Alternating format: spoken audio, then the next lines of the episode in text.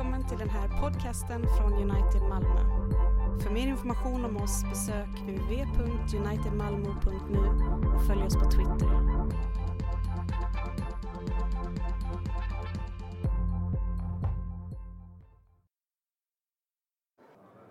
Hör Herrens ord. Vi lyssnar till denna söndagens gammaltestamentliga läsning från Första Moseboken kapitel 16, verserna 1-13. Abrahams hustru Sarai hade inte fött honom några barn. Hon hade en egyptisk slavflicka som hette Hagar. Och en dag sa Sarai till Abraham:" Herren har gjort mig ofruktsam. Gå till min slavflicka, kanske jag kan få barn genom henne. Abraham samtyckte och så tog Sarai, Abrahams hustru, sin egyptiska slavflicka Hagar och gav henne åt sin man. Abram hade då bott i tio år i Kanan. Abram låg med Hagar och hon blev havande. Men när hon märkte att hon väntade barn började hon se ner på sin matmor. Då sa Sarai till Abram, denna skymf är din fel. Jag la själv min slavflicka i din famn.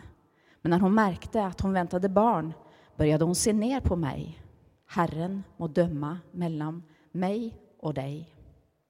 Abraham svarade Sarai, du bestämmer själv över din slavflicka. Gör vad du vill med henne. Sarai bestraffade henne, men då rymde hon. Herrens ängel fann henne vid en källa i öknen, källan på vägen till Sjur.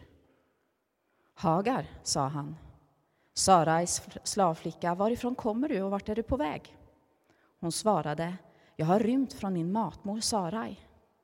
Då sa han till henne, vänd tillbaka till din matmor och underkasta dig henne. Och Herrens ängel sa, jag ska göra dina ättlingar mycket talrika, så talrika att ingen kan räkna dem. Herrens ängel sa till henne, du är havande och ska föda en son och du ska ge honom namnet Ismael, ty Herren har hört din klagan. Mer vildåsna än människa ska han vara. Han ska slåss mot alla och alla mot honom. Öster om alla sina bröder ska han bo. Hagar gav Herren, som hade talat till henne, ett namn. Du är seendets Gud. Ty hon tänkte, har jag verkligen sett Gud och förblivit vid liv? Så lyder Herrens ord. Gud, vi tackar dig. Vi lyssnar till denna söndagens nytestamentliga text från Hebreerbrevet 4, 14-16. När vi nu har en mäktig överstepräst som har stigit upp genom himlarna, Jesus, Guds son. Låt oss då hålla fast vid vår bekännelse. Vi har inte en överstepräst som är oförmögen att känna med oss i våra svagheter, utan en som har prövats på alla sätt och varit som vi, men utan synd. Låt oss därför frimodigt träda fram till nådens tron för att få förvärmande och nåd i denna stund då vi behöver hjälp. Så lyder Herrens ord.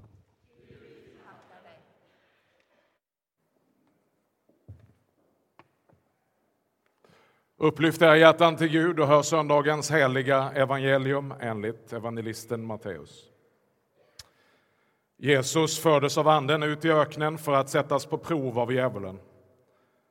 När han hade fastat 40 dagar och 40 nätter blev han till slut hungrig. Då kom frestaren och sa till honom, om du är Guds son, så befall de här stenarna att de blir bröd. Jesus svarade, det står skrivet, människan skall inte leva bara av bröd, utan av varje ord som utgår ur Guds mun. Sedan tog djävulen honom med sig till den heliga staden och ställde honom högst uppe på tempelmuren och sa, om du är Guds son, så kasta dig ner.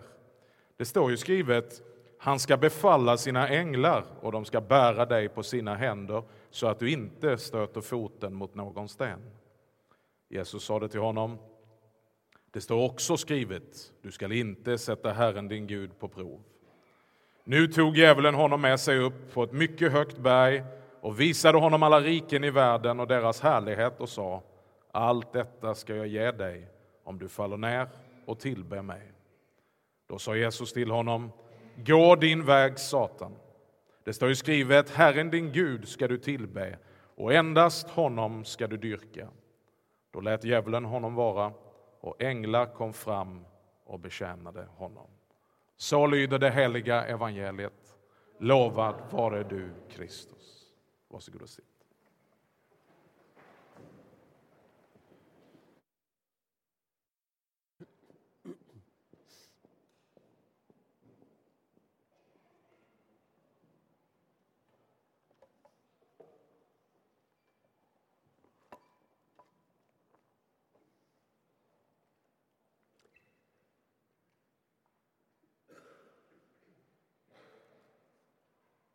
Systrar och bröder. Är det inte överraskande att Andens första direktiv till Jesus efter hans dop för honom ut i öknen för att frestas av djävulen, som vi hörde? Eller är det fullt begripligt? Det uppdrag som nu ligger framför Jesus kräver den inre samling och stillhet som bara öknen kan ge. Dessutom, Jesus måste i ett tidigt skede ta upp kampen mot allt det som hotar att förvanska uppdraget. Det som utger sig för att vara verklighet, men bara är sken. Vad är kärnan i Jesu uppdrag? Att träda in i hela den mänskliga existensens drama. Att stiga ned i allt det som hotar och skadar människan. Ned i det yttersta djupet för att där finna det förlorade fåret ta det på sina axlar och bära det hem. I mässans credo, trosbekännelsen som vi om en stund ska instämma i upprepar vi varje söndag orden om att Jesus steg ned i dödsriket. Men detta nedstigande sker inte bara vid hans död. Det hör också till hans väg han har kommit för att genomleva hela den mänskliga historien med början hos Adam. Att genomlida allt det som människor har lidit. Att inlåta sig i den mänskliga tillvarons alla hot och vedervärdigheter. All dess ångest och förtvivlan. Han har kommit för att bli som vi hörde i pisten som en som prövas som oss, lik oss i allt. Precis som Jesu dop så är hans frestelsekamp i öknen en berättelse om hur Jesus solidariserar sig med oss syndare. När vi för ungefär en månad sen, drygt en månad sen firade Jesu dop så påmindes vi om hur Jordans vatten där Jesus steg ned för att döpas också symboliserar dödsrikets djup. Redan i sitt dop stiger han ned i detta djup och upp därifrån. Idag ser vi hur Jesu kamp i öknen innebär att han stiger ned i samma djup. Duellen med djävulen är en förtätning av den kamp som följer honom på hela hans väg ända fram till påsken då han av fri vilja överlämnar sig åt döden för världens liv. Låt oss se nu, vid fastans början på de tre frestelserna som Jesus utsätts för i öknen och hur de alla har samma kärna. I den första frestelsen avkrävs Jesus bevis. Om du är Guds son, ja, men då kan du ju göra detta. Orden upprepas av dem som senare hånar Jesus när han hänger på korset. Om du är Guds son, stig ned från korset. Detta krav på bevis följer Jesus överallt och upprepas mot hans kyrka genom historien. Om Gud finns, ja, men då måste han visa sig. Då måste han mätta de hungrande. Om kyrkan vill vara trovärdig då måste hon ge världen bröd och låta allt det andra komma i andra hand. Den invändningen är inte enkel att bemöta. De hungrandes rop tränger in i oss och måste göra det. Det svar Jesus ger Människan ska inte leva bara av bröd men av varje ord som utgår ur Guds mun behöver ses i det större sammanhanget. Det finns två andra brödberättelser i evangelierna. Den ena brödundret när Jesus mättar tusentals i vildmarken. Men varför gör han nu det han tidigare avvisade som en frestelse? Dessa människor har kommit för att höra Guds ord. De har låtit allt annat bli liggande. Därför kan de ta emot brödet på rätt sätt.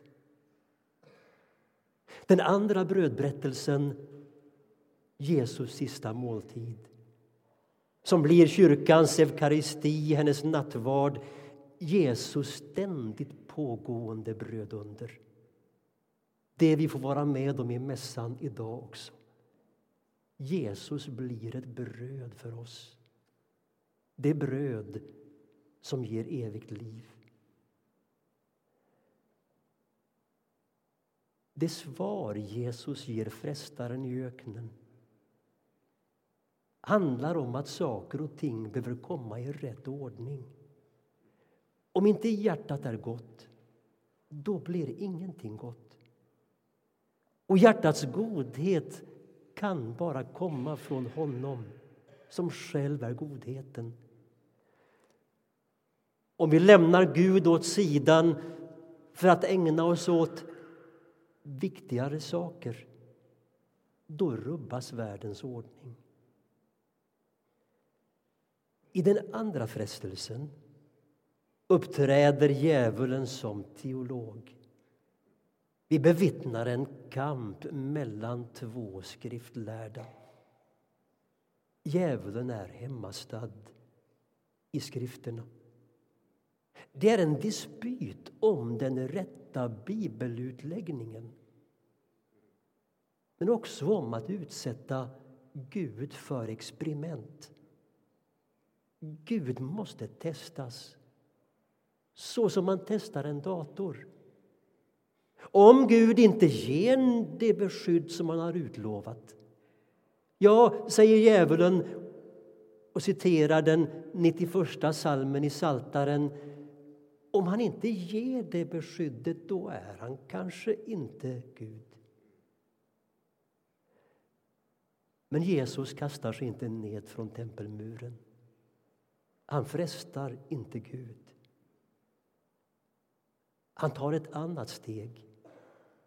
Steget ned i dödens och Guds övergivenhetens djup. Ett annat slags språng. Och han vågar det. För han vet att genom det språnget så kan han bara falla i Faderns armar. Den som förtröstar på Gud vågar tro att vilka fasor världen och livet än utsätter henne för förlorar hon aldrig sitt slutliga beskydd. I den tredje frestelsen Jesus förs upp på ett berg och erbjuds makten över alla riken i världen. Ja, men vänta, var det inte därför han kommit? Samlar han inte senare sina lärjungar på ett berg och säger åt mig har getts all makt i himlen och på jorden? Här framträder två förhållanden som är avgörande. Jesus har makten i himlen och på jorden. Utan himlen blir all jordisk makt tvetydig och förrädisk.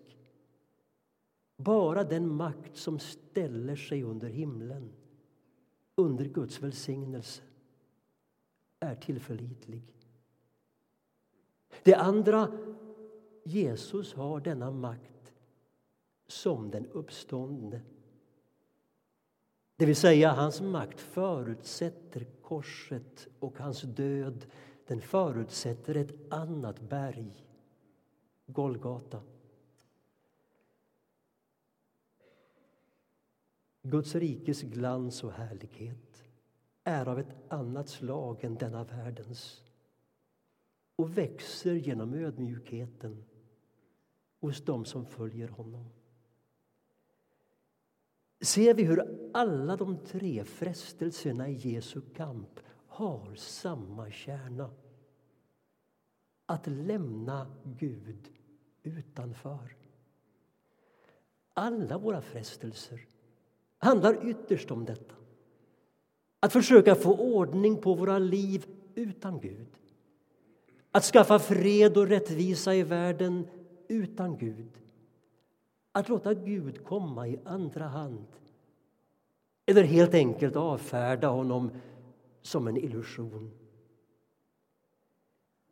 Vi frestas inte att göra det onda. Det vore alltför enkelt att genomskåda. Djävulen pekar på det som är bättre att lämna alla illusioner och ägna vår energi åt att förbättra världen. Frestelsen gör anspråk på att företräda verkligheten. Det verkliga är det vi kan se och känna. Det verkliga är ju makt och bröd. Det som tillhör Gud framstår som overkligt och kan lika gärna lämnas därhän. Är Gud verklig? Är han själva verkligheten? Det sanna och det goda? Eller måste vi själva skapa och uppfinna det goda? Detta är mänsklighetens grundfråga. Här går skiljelinjen.